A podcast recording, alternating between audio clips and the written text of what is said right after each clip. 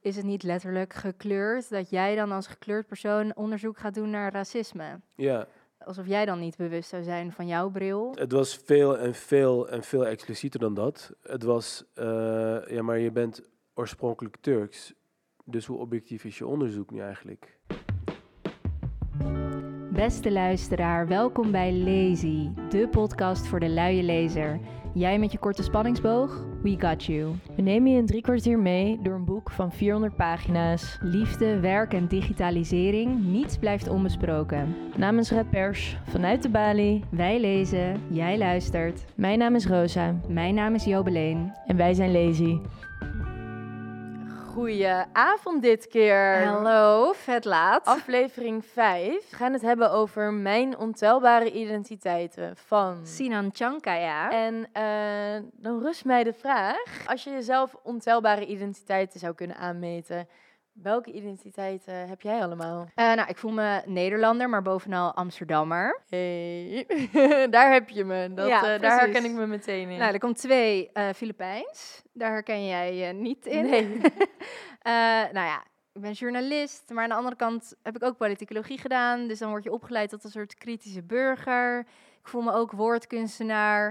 Ik voel me idealist, activist. Terwijl dat eigenlijk leer ik nu op mijn studie niet helemaal samen mag gaan met journalist volgens sommige Van bewegingen. mij mag dat wel. En volgens het boek gaan we niet in hokjes denken. Dus Precies. idealist en activist. Bij de ene situatie belicht je denk ik net iets meer van de ene identiteit dan in andere situaties. Hoe voel jij dat? Nou, in de eerste herken ik me ook. Ik voel me ook een Amsterdammer. Eh, maar ik herken ook wat je zegt in eh, opzetten van verschillende petten. Dus zelf vind ik dat ik heel creatief kan zijn, maar tegelijkertijd ook heel analytisch. eh, en komt echt weer de onderzoeker in me naar boven. Dan ben ik ook journalist. Eh, ik ben ook een hopeloze romanticus, sociaal, denk ik. Maar ja, dan kom je nu toch wel meer op eigenlijk persoonlijkheidskenmerken. Ja, precies. Schrijver en antropoloog Sinan Chankaya, eh, die zit hier met ons in de studio. Welkom. Hallo. En we gaan zijn boek Mijn ontelbare identiteiten bespreken. Eh, identiteiten bevinden zich tussen onszelf en anderen in. Kan je dit uitleggen wat je hiermee bedoelt in je boek? Wat ik daarmee bedoel is dat het weinig zin heeft om identiteit voor te stellen als iets wat van jou is. Er is natuurlijk wel zoiets als een, eh, als een zelfidentiteit of een zelfbeeld. Alleen gaat het er om dat die identiteiten altijd ontstaan in een bredere context. Dus het gaat om al die etiketten die hier worden opgeplakt in een samenleving. En uiteindelijk gaat het in die identiteitsvorming erom dat dat, dat dan eh, in dat proces van aan de ene kant een etiket opgeplakt krijgen, een zelf een identiteitsvorming, ja, daarin ontstaat dan jouw identiteit. Ehm, maar dat staat dus nooit los van die bredere omgeving. Dus in het boek zeg ik dat ik ben opgegroeid in Nijmegen, in Hatert, dat is een achterstandswijk. En ik hield mezelf voor dat ik een Nederlander was. Alleen was er dus voortdurend een omgeving die mij eraan herinnerde dat ik niet helemaal Nederlands was. En dat is dus eigenlijk gewoon in het kort de kern van, van identiteitsvorming. Dat, dat het altijd gaat ook om een bredere omgeving die dus die, eh, die labels eh, opplakt. Maar en daarom heb je er dus ook ontelbaar veel, zeg je. Ehm, ja, maar ontelbare identiteiten, dat gaat eigenlijk in de eerste plaats om een verlangen. Ehm, het gaat er dus juist om dat we vaak niet het recht hebben om een heleboel identiteiten te hebben. Dat ons voortdurend geweld wordt aangedaan. Dat we voortdurend in een hokje worden gestopt. Dat er eigenlijk je een identiteit wordt aangemeten. Ja, ja. Ja. En dat is dan gelijk een misverstand. Dus ik denk dat ontelbare identiteiten, ja, dat, dat is dus een soort ideaal. Verlangen. Dat Ja. is een verlangen, maar, maar het gaat er nu juist om dat, dat daar zelden sprake van is. Ja, want jij zegt toch ook in het boek van eh, je hoeft ook niet een identiteit aan te nemen die je wordt opgelegd. Of zoals die context jou ziet, dat, daar hoef je het niet per se mee eens te zijn. Je mag het zelf definiëren. Ja, ja dat is dan de, de ontsnappingsroute die ik dan eh, probeer op te zoeken. Dus welke manoeuvreerruimte hebben we nu eigenlijk? Maar dat is wel altijd door eerst rekenschap te geven van het feit dat ons ja, op een bepaalde manier altijd geweld wordt aangedaan. Hey, je bent man, vrouw, uh, hetero, uh, LHBTI. En, en, en, het gaat dus natuurlijk ook om hoe, hoe dit soort identiteiten altijd zijn verbonden met maatschappelijk geweld. Met kansen in de samenleving, met hoe er naar je wordt gekeken, beeldvorming, representatie. Ja, en wat was de aanleiding voor dit boek? De aanleiding voor dit boek was mijn ergernissen en frustraties over hoe er in het publieke debat in Nederland werd gesproken over identiteit. En eigenlijk toen al de, ook de kritiek op uh, identiteitspolitiek. Um, dus aan de ene kant ben ik ook zelf in het boek best wel kritisch op het idee van identiteitspolitiek. Omdat ik denk dat, dat um, ja, het risico is dat je dan weer harde identiteit gaat creëren. Terwijl ik zelf meer geïnteresseerd ben in die fluiditeit van, uh, van identiteiten. En dus uh, het opzoeken van die uh, ontelbare identiteiten.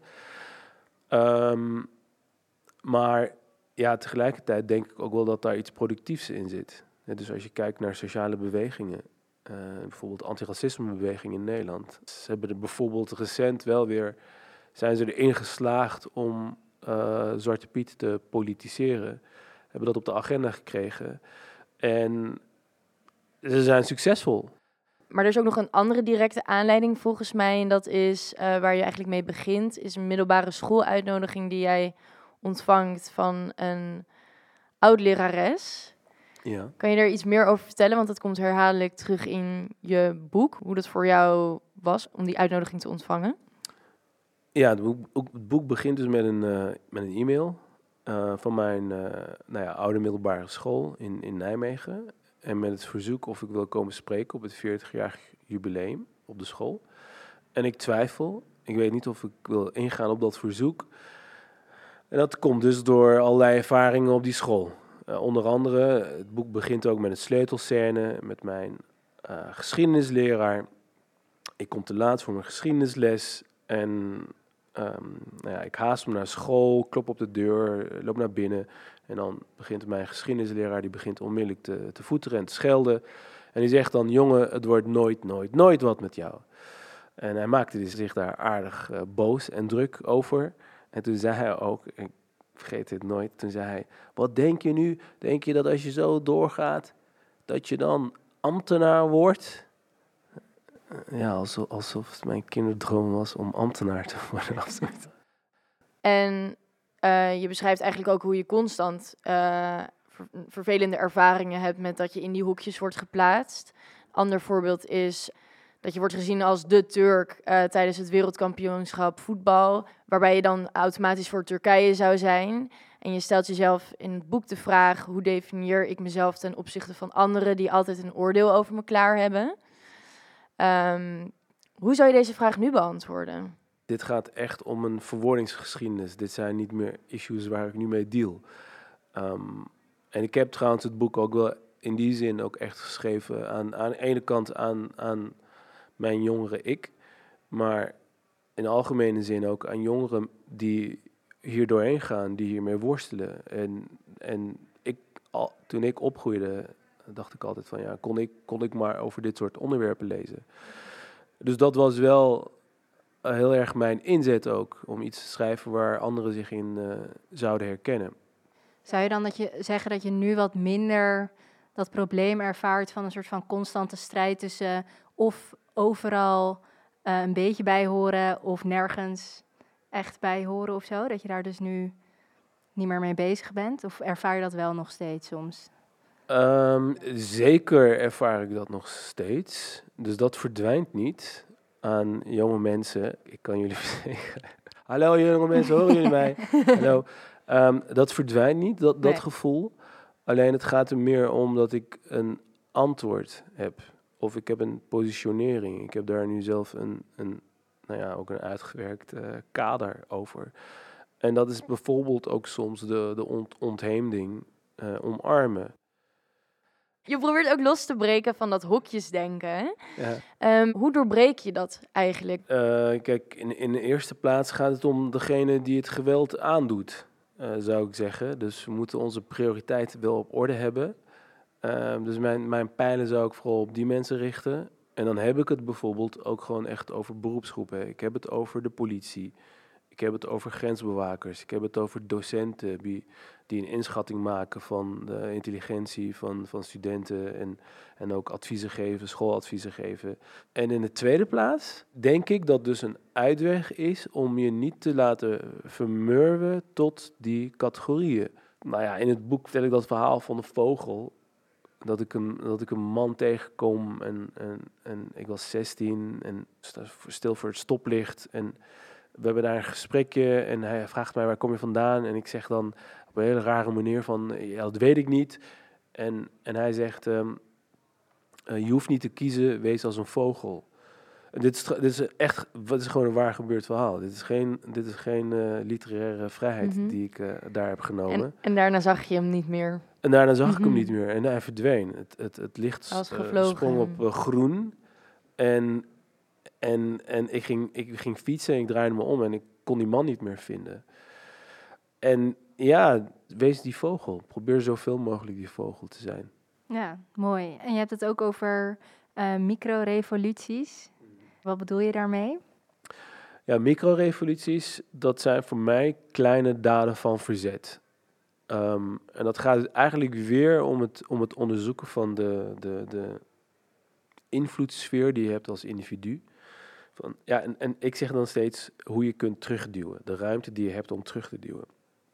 Maar, ik zeg er dan gelijk bij dat dit soort issues geen individuele verantwoordelijkheid van mensen zijn. En dat het veel meer gaat om een collectief falen. Ehm, dus we moeten veel meer, we moeten op een structurele, institutionele manier naar het probleem kijken. Maar dat neemt niet weg dat ik dan met microrevoluties nog steeds wil zoeken naar, oké, maar wat zijn nou die pockets, die ruimtes, die tussenruimtes, die, die plekken en plaatsen waar ook klein verzet kan ontstaan. En, en ook nadrukkelijk hoe dat kleine verzet weer een soort olievlekwerking kan hebben. Want het, het moet nooit bij het individu blijven. Ja, systeemverandering. Het moet uiteindelijk moet het systeemverandering zijn. Ja. En ehm, elk hoofdstuk begin je met een krantenkop. Mhm. Waarom heb je daarvoor gekozen? Ehm, nou, dat was voor mij, voor mij ook wel weer een manier om dus inderdaad iets te zeggen over de maatschappij. Over zeg maar, meer dan dat persoonlijke verhaal wat ik aan het opschrijven ben. Over hoe die krantenkoppen en, en framing en stereotypering en categorisering, ook in, in de media, in de journalistiek, hoe dat ook allerlei beelden en opvattingen en manieren van over de wereld nadenken in stand houden. Ehm, en dat begint dan bijvoorbeeld, ehm in het eerste hoofdstuk gaat het over eh, recente vluchtelingen, die dan met, met dieren in ieder geval worden vergeleken, met een plaag. En het eindigt, en dat is natuurlijk best wel tricky om dat te doen. Kansloze asielplaag ongehinderd verder. Ja, Telegraaf, 2017. 2017, ja. En als je dan naar, naar een van la- of het laatste hoofdstuk gaat, dan gaat het om eh, een bijna identieke kop. Jodenplaag in Amsterdam, de Telegraaf, 1941. Ja. En voor de duidelijkheid, hè, ik, ik probeer daar niet een soort historisch leed of trauma met elkaar te vergelijken. Het gaat mij daar enkel en alleen om hoe ook eh, kranten een meer dan dubieuze, ronduit eh, afschuwelijke rol hebben gespeeld, in, in, of spelen nog steeds in dit soort eh, processen van ontmenselijking. Dus ik wilde daar de historische continuïteit eh, zichtbaar maken. Als ik daar een vraag over mag stellen, want ehm, ik werk zelf als journalist. Ben dan misschien wel een vrouw, maar alsnog ook een wit persoon. Soms heb ik het ook het gevoel dat ik iets zou willen doen. En ik herken ook wat je bijvoorbeeld noemt. Ja, voor de duidelijkheid, het, het gaat mij niet om witte personen in het, in het bijzonder. Ehm, maar waar ik gewoon nog steeds ongelooflijk veel moeite mee heb, is, is eh, de journalistieke kolder over bijvoorbeeld objectiviteit en neutraliteit.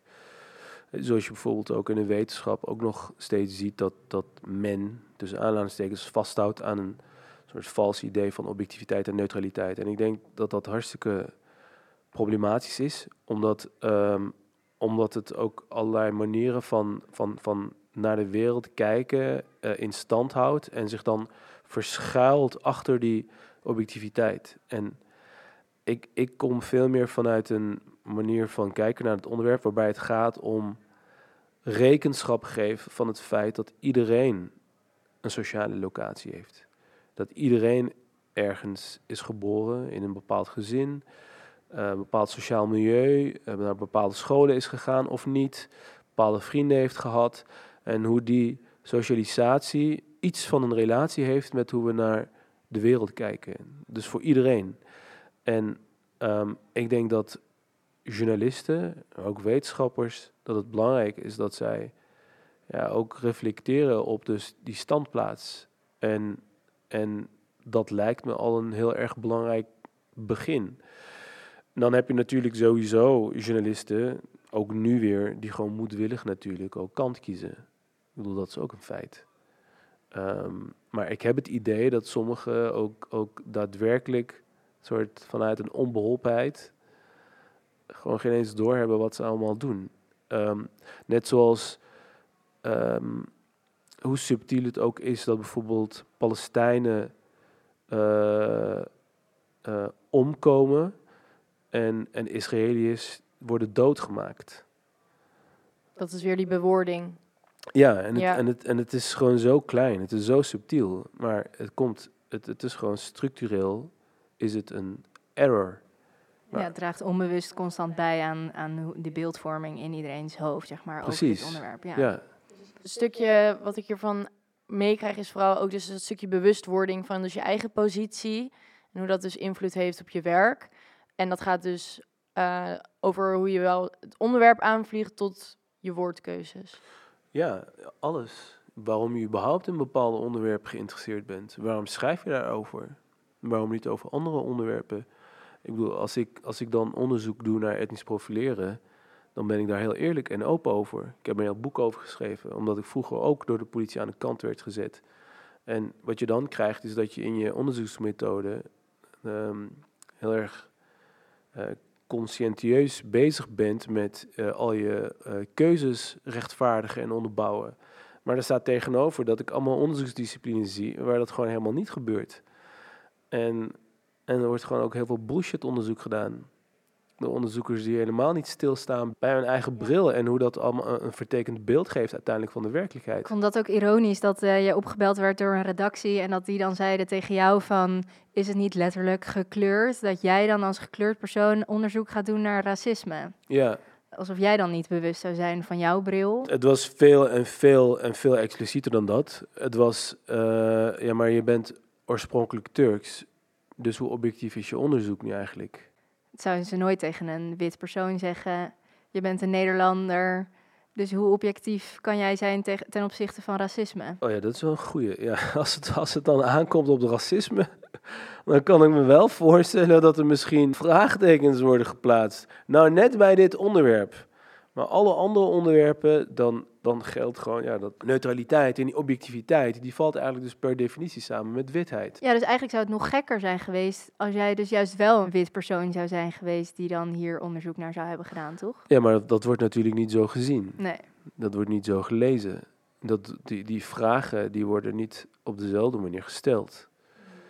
Um, en, voorbeeld, eh, ik heb in mijn proefschrift, dat ging over racisme binnen de politie. Dus ik heb gekeken naar agenten met een migratieachtergrond. Turkse, Marokkaanse en Surinaamse Nederlandse agenten. En wat gewoon een duidelijk patroon was, is dat zij vertelden dat zij werden uh, gewantrouwd over hun integriteit, over een neutraliteit, over een objectiviteit. En wat daaronder school was het idee van dubbele loyaliteiten. En dan werd de vraag, was heel overzichtelijk, ben je loyaal aan de politie of ben je loyaal aan je eigen etnische gemeenschap, whatever that may be. Ik bedoel, het hoeft dus voor die mensen zelf helemaal geen eens een rol te spelen ook. Hè?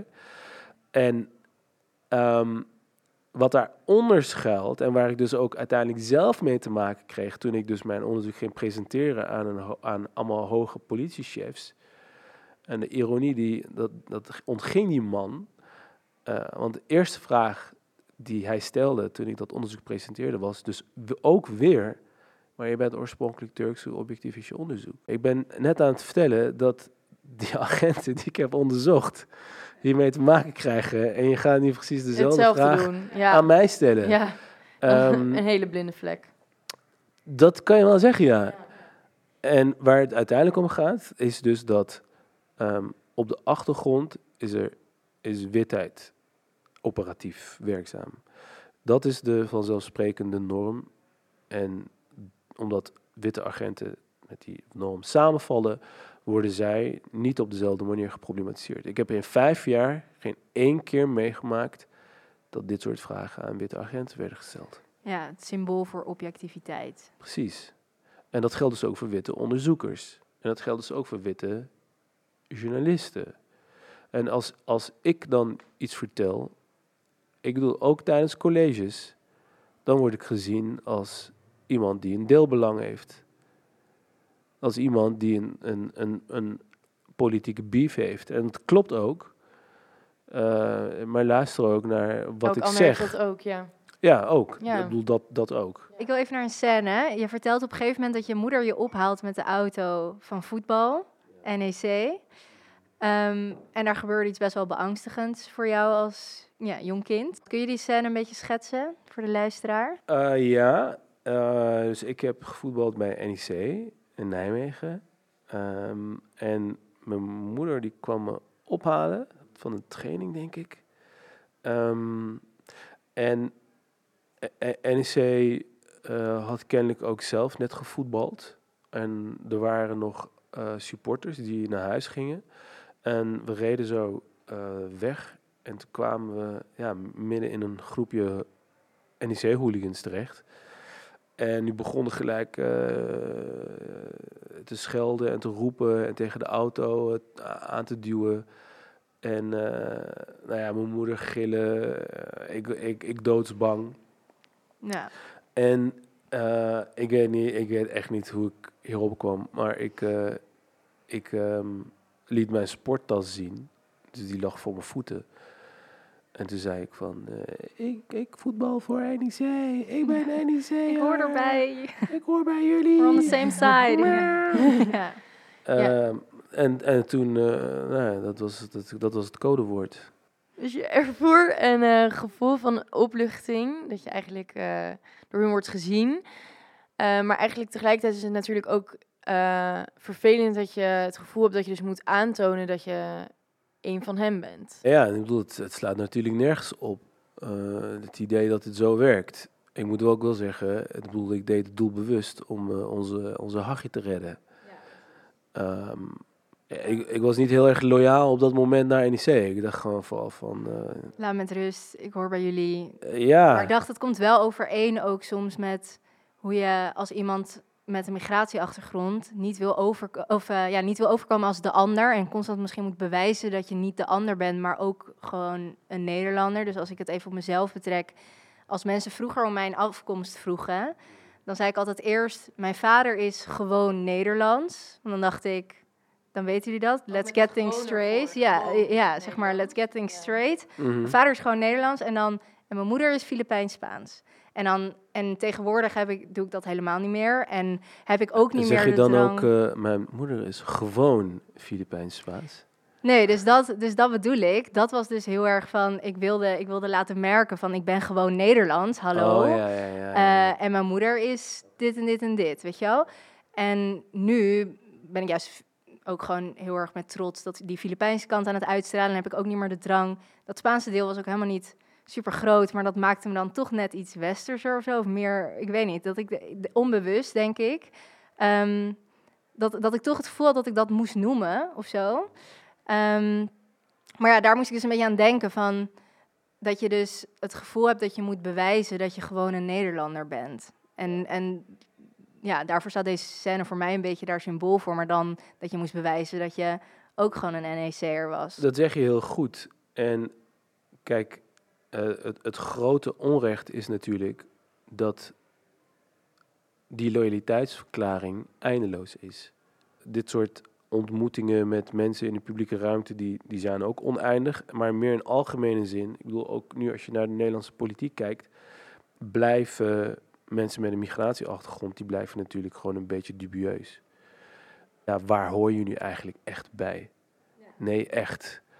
En, en om die reden de- kan die loyaliteitstekst theater ook. Het is eigenlijk een theater waarbij je op een podium staat en voortdurend eh, de act moet opvoeren, waarbij je inderdaad bewijst normaal te zijn, mens te zijn, Nederlander te zijn. Uh, ten overstaan van, ja, laten, laten we zeggen waar het op staat, witte mensen. En um, dat is een, denk ik een uh, onophoudelijk proces, helaas. En dat is natuurlijk ook het grote onrecht. En dat is ook gewoon hartstikke pijnlijk. Om te zien dat nu ook gewoon weer jonge kinderen daarmee te maken hebben. Dus het blijft eigenlijk, uh, je zei het net ook al, een probleem wat niet alleen maar door het individu op te lossen valt, maar een breder probleem eigenlijk in onze samenleving, in onze maatschappij. Um, dat schiet mij nu te binnen. Om, om een voorbeeld te geven van hoe, um, hoe subtiel het weer is. Gewoon recent nog hadden een gesprek en mijn nichtje die gaat, die is 10, 11, die gaat naar een school in Nijmegen. En kennelijk heeft zij allemaal uh, vriendinnetjes die niet Nederlands zijn. Uh, ik weet niet waar ze allemaal vandaan komen. En toen zei mijn zus, die zei van, uh, ja, waarom heb je ook niet gewoon Nederlandse vriendinnetjes? En ja, dat is gewoon zo vanzelfsprekend. Dus ook mijn zus. Ja. Mijn zus die hoort mij hier al 15 jaar over praten. Ja. En die zegt dat gewoon. En jij staat daar, jij stond erbij. En ja, en ik zeg, maar hoe bedoel je? Zijn al die andere kinderen geen Nederlanders? Dat zijn toch ook Nederlandse kindjes? Maar waarom, waarom is het pas een, uh, een goedgekeurde vriendschap als het, als het met, een, uh, met een gewone Nederlander ja, is? gewoon Nederlands. Je had het net over dat mediageweld en de journalistiek. Je hebt het over politieke koehandelaars, uh, alledaagse racisme. Uh, je zegt dus eigenlijk Nederland doet alsof we een soort multicultureel ideaal uitdragen, maar daar uh, staat weinig van overeind. Hoe pas je eigenlijk die status quo dan aan? Het is natuurlijk dat je altijd in moet zetten op een politiek van hoop. En dus ik, de manier waarop ik naar, naar, naar politiek kijk, politiek is voor mij in, in de kern gaat om het scheppen van een alternatief.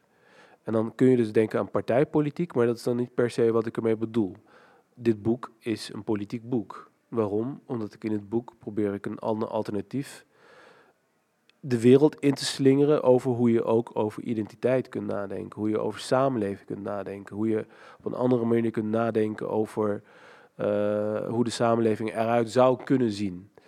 Dus het gaat om het scheppen van een alternatief. En ik denk dat je dat in brede zin kunt, kunt toepassen. En uh, de laatste tijd heb ik het en dat komt natuurlijk omdat ik zelf heel erg wanhopig aan het worden ben vanwege alle ellende die er nu op dit moment in de wereld gebeurt. Woningcrisis, klimaatcrisis, uh, ga zo maar door. Um, heb, heb ik het heel vaak over hoop. Um, en het belangrijke bij hoop is dat het altijd de worsteling accepteert en dat het gaat om een voortdurende strijd tegen de wanhoop. En, en hoop is eigenlijk een, ja, de, de nipte overwinning op de wanhoop. En het, het gaat er dus om dat je voortdurend blijft kijken en blijft inzetten. Geen toeschouwer blijft van je leven. Uh, maar, maar ja, het heft in, in eigen handen neemt en probeert te werken aan dat, uh, aan dat alternatief. Het scheppen van een alternatief. Um, want verandering gaat er sowieso komen. Uh, hoe dan ook, dat is nu eenmaal de loop van de, van de geschiedenis en dat is hoe tijd werkt. Verandering komt er.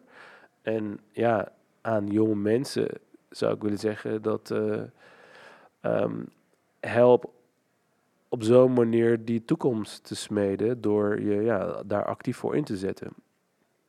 Um, waarbij ook bijvoorbeeld klagen, uh, defetisme, wanhoop uiteindelijk wel legitiem zijn. Ik denk dat het heel legitiem is, want ik denk ook dat dat politiseert. Maar het moet op een gegeven moment omgezet worden in actie. Ja. In, in, in gezamenlijkheid, in collectiviteit. In en ook meer van een punt van positiviteit. Ja, kan, maar dat hoeft niet. Uh, want positiviteit is meer iets voor de optimist. Uh, maar de optimist die heeft ook de neiging om de feiten te ontkennen. Terwijl de, de hoopvolle die zegt juist, nee, alles ziet er heel kut uit nu. En daar moeten we heel eerlijk over zijn. Het ziet er gewoon niet goed uit. Maar we gaan vechten tegen de bierkaai. We gaan, uh, we gaan dweilen met de kraan open. Ja. We gaan puin Hoop houden. Ja. Uh, dus dat moet wel het politieke project blijven. Eentje van hoop. Mhm. En ehm, je hebt op een gegeven moment ook een scène dat je in Cyprus bent. En dan uh, spreek je daar ook Turkse mensen die dan al heel lang in Cyprus wonen. En dan zegt iemand op een gegeven moment... Uh, he's on our side, he's a Turk, but cool though. En later in het boek heb je ook een akkefietje met een PVV'er... Die, um, die je na een nacht clubben tegenkomt op straat. Slaat op een gegeven moment een arm om je heen en die zegt... het gaat me niet om jou, maar om die vluchtelingen. Jij bent gewoon een van ons, weer dat woordje gewoon... Um, hoe voelt dat dan? Denk je dan, oh yes, ik word erkend of zo als een in-group? Oh nee, zeker niet. Nee, nee, nee, nee, nee. Dus ik um, voel mij heel erg ongemakkelijk bij uh, die plek die mij dan plots wordt toegestaan. Maar dat is altijd ja, ten koste van iemand anders. En dat, dat, weiger ik uh, toe te laten. Dus ja, ik denk dat solidariteit is natuurlijk ook een heel belangrijk begrip uh, in het politieke denken. En, en ja, dat zo'n soort opsplitsing, een, ja, een bijna een soort verdeel en heers, daar uh, keer ik mij tegen, daar hoef, wil ik niks van uh, hebben. En ik denk dat het belangrijk is om juist solidair te zijn met anderen. Ja, precies. Want daar is natuurlijk ook een woord voor, white passing eigenlijk. Op zo'n moment ben jij white passing. Tuurlijk, zeker. En ik denk dat, kijk, op individueel niveau kan ik me goed voorstellen dat, dat mensen um, ja, het prettig vinden als ze ook worden ingesloten in groepen. Alleen nogmaals, ik denk dat we heel erg achterdochtig en argwanend moeten zijn op dit soort mechanismen. Omdat uiteindelijk er helemaal niets verandert aan de beeldvorming over groepen. Is dat dan een soort, soort instemming daarmee? Um, het bestaan ervan? Of wat er gebeurt is dus dat jij eigenlijk um, niet meer wordt gezien als een representant van de groep. En, en daardoor worden dus de tegenvoorbeelden die de stereotypen tegenspreken, die worden eigenlijk geen eens aanvaard. En wat er dus toe leidt dat, dat het stereotype in stand blijft. Want want jij bent niet zoals de rest. En precies om deze reden dus denk ik dat, ja, nou ja, goed, dit is wel echt iets wat, uh, wat ik zelf heel belangrijk vind, is om uh, solidair te zijn, uh, toch wel naar algemene waarden, naar algemene waarden van non-discriminatie, toegankelijkheid, in- en uitsluiting. Um, en ja, ik voel me altijd heel slecht bij die verbijzonderde positie die mij dan uh, wordt toegeschoven. Ja, precies. Alsof je er dus blij mee zou moeten zijn. Maar tegelijkertijd versterkt het ook weer dat beeld van dat er überhaupt een ander is. Zeker. En dat, dat, is dus, dat verandert dus niet. Um, en ik moet nogmaals weer zeggen, ik bedoel, ik ben daar nu ook gewoon helemaal niet meer mee bezig. Ik bedoel, als het nu zou voorkomen, dan zou ik daar ook wel echt wel iets over zeggen. Ja. Maar dat doe je ook misschien als jong iemand ook niet. Als je nog niet zo stevig in je schoenen staat. Of je bent ook nog voor jezelf aan het uitvinden. Of, of omdat je nog gewoon überhaupt niet, niet helemaal door hebt wat er nu eigenlijk gebeurt. Nee. Ja, dus, dus dat natuurlijk ook. Maar je kan, maar je kan ook, ja, ik, ik bedoel, een heleboel jonge mensen die denken natuurlijk ook van, ja, maar ja, I don't give a shit. Ik, ik hoor er toch bij. Ja, dus dat je die solidariteit ik, verliest. Toch, ja, ik mag er toch bij. Hmm. En, dus dan, en dat zie je natuurlijk ook gewoon in brede zin. Uh, dus uh, mensen die, uh, die redden zichzelf, maar, maar steken vervolgens de brug in brand. Zodat, zodat anderen de oversteek niet kunnen maken. En volgens mij kwam het net ook al een beetje in je antwoord naar boven. Een soort ignorance eigenlijk, wat ook kan leven onder witte mensen. En we wilden je eigenlijk een stukje voor laten lezen uit het boek. We gaan naar pagina 130. Um, in Mexico ben je een verhaal aan het vertellen en word je onderbroken door de Nederlandse Eduard. Die daar ook is. En hij zegt: Ik snap echt niet waarom je het woord wit gebruikt. In mijn ogen heb je geen kleur. Na de vaststelling dat kleur niets met mijn verhaal van doen heeft, wordt, zoals gebruikelijk, degene die de kleurschakering opmerkt met priemende vinger terechtgewezen. Ik ben de ware racist, omdat ik de wereld nog steeds in kleur zie. Dromers ervaren het woord wit inmiddels als een scheldwoord. Doe gewoon niet zo overgevoelig en stop met de slachtofferrol vanwege kleur. Vroeger bij mij op school waren we allemaal vrienden van elkaar en maakten we geen onderscheid. Mensen wit noemen is net zo gevaarlijk als iemand zwart noemen. Je bent zwart en wit tegen elkaar aan het opzetten. Ik zie niet in hoe dit ons dichter bij elkaar brengt, deze polarisatie. Ja, dus jij polariseert. Ja, ja dit is natuurlijk uh, hallucinant uh, wat er gebeurt. Ik moet wel zeggen, het schiet mij niet te binnen. Ik heb dit hoofdstuk heel erg geschreven met um, de correspondent in mijn achterhoofd. Dus dat behoeft Le even, leg uit. Dat behoeft even ja, uitleg. achtergrond. Ik, ik heb columns geschreven voor de correspondent. En dat was verschrikkelijk. Uh, het schrijven zelf op zich niet hoor, maar vooral de reacties op de, op de columns. En op een gegeven moment gebeurde het, uh, het bijzondere dat door het schrijven van de columns ik door de lezers verantwoordelijk werd gehouden voor het racisme in Nederland. Dus ik was in, ik was in mijn uppie ineens persoonlijk verantwoordelijk en een soort aanstichter. Er was een boeman nodig en jij kreeg het op in, dak. In heel Nederland. Dat kwam allemaal door mij. Waarom? Omdat ik er columns over schreef. En, en, en, en die idiotie, dat zit natuurlijk een beetje in, in dit fragment. Um, dan krijg je vaak dat soort opmerkingen. Ja. Ja, want ik herkende dus echt bijna woord voor woord wat deze Eduard zei. Voor mij was het echt nieuw. Ik was dus vorig jaar met een groep studenten naar Oerol in Terschelling, op Terschelling um, voor een uh, onderzoeksproject.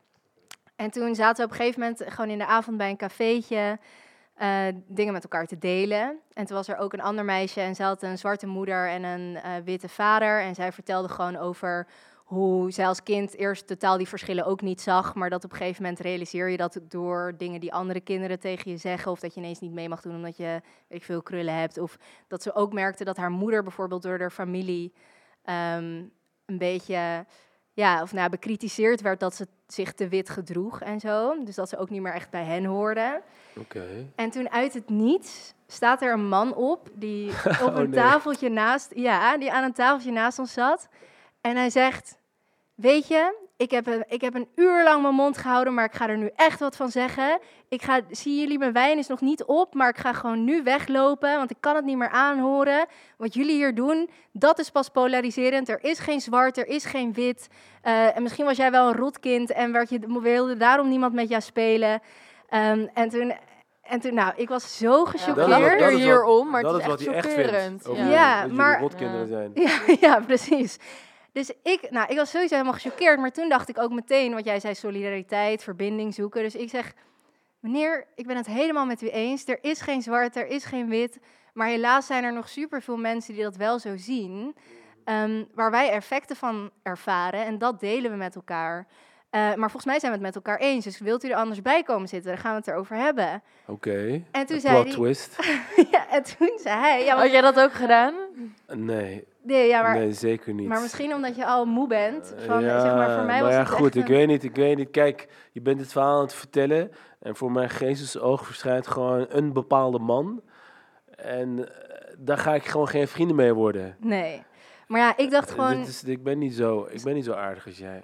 Ja, misschien was het ook nog een soort bewijsdrang van don't see me as the other, zeg maar. Of een soort, ik weet het niet. Maar dus ik was ervan, volgens mij zijn we het met elkaar eens. Uh, en toen, nou, toen zei hij dus van nee, ik ga er niet aan beginnen. En jullie zijn haat aan het zaaien en aan het polariseren. En uh, ik wilde het gewoon niet meer aanhoren. Dat wilde ik even gezegd hebben. En toen liep hij weg. Maar hij is niet eens ingegaan op het verzoek. Nee. Hij is er niet bij komen zitten. Nee, dus toen dacht ik echt... Zie je wel? Ja, dus ik dacht, jij beschuldigt ons. Bevestigd. Bevestigd. Mijn verzinsel van die man is bevestigd.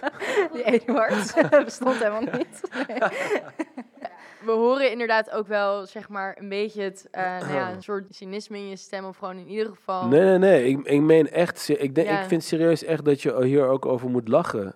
Mhm. over, over dit soort gebeurtenissen. Maar dat komt natuurlijk ook ergens vandaan. En op het einde van het boek um, krijg je nog een e-mail. Staat een e-mail van een, uh, van een docent...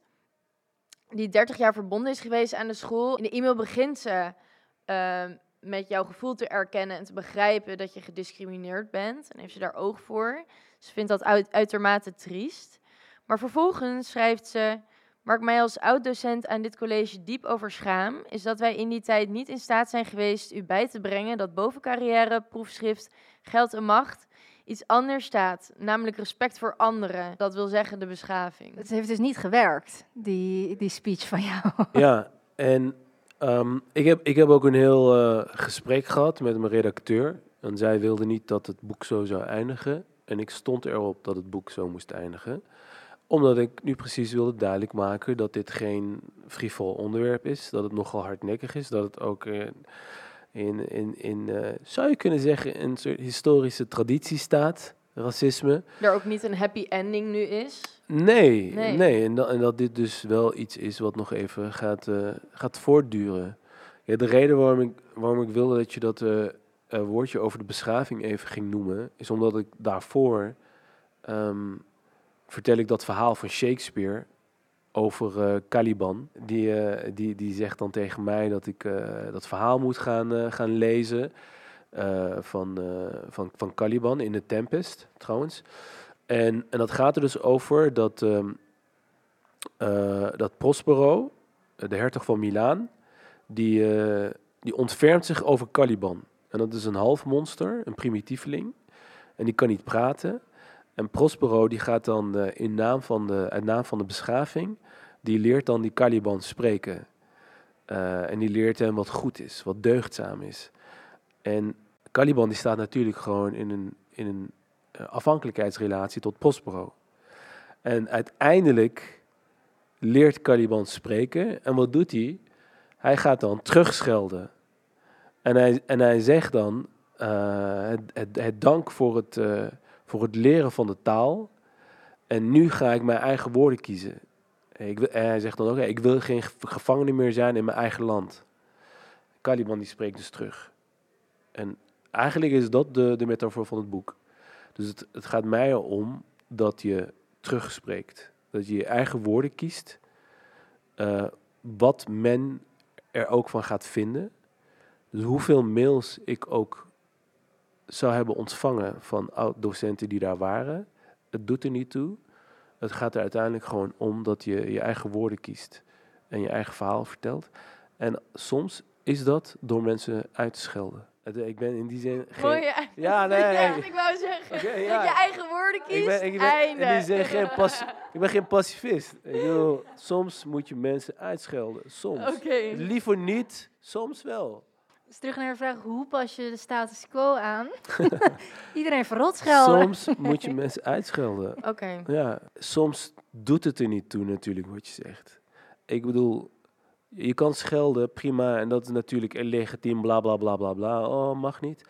Maar waar, waar dit boek ook over gaat, is dat je kunt je woorden ehm, in, een, in een pot met honing eh, eh, eh, dumpen. Ook dan moeten de mensen er niks van hebben. Ja. En, en om die reden zeg ik van, kies Kan je eigen goed. woorden. eh, Ja, je kan ze Even, eh, uitnodigen om aan je, aan je tafeltje van je café Precies, te zitten. Maar, precies. maar ze Well, lopen gewoon go. weg. Ja. Ja. Ja. dankjewel, dankjewel eh Graag dat je met ons de woensdagavond wilde spenderen. En eh, we zijn eh, over twee weken weer terug met de volgende aflevering.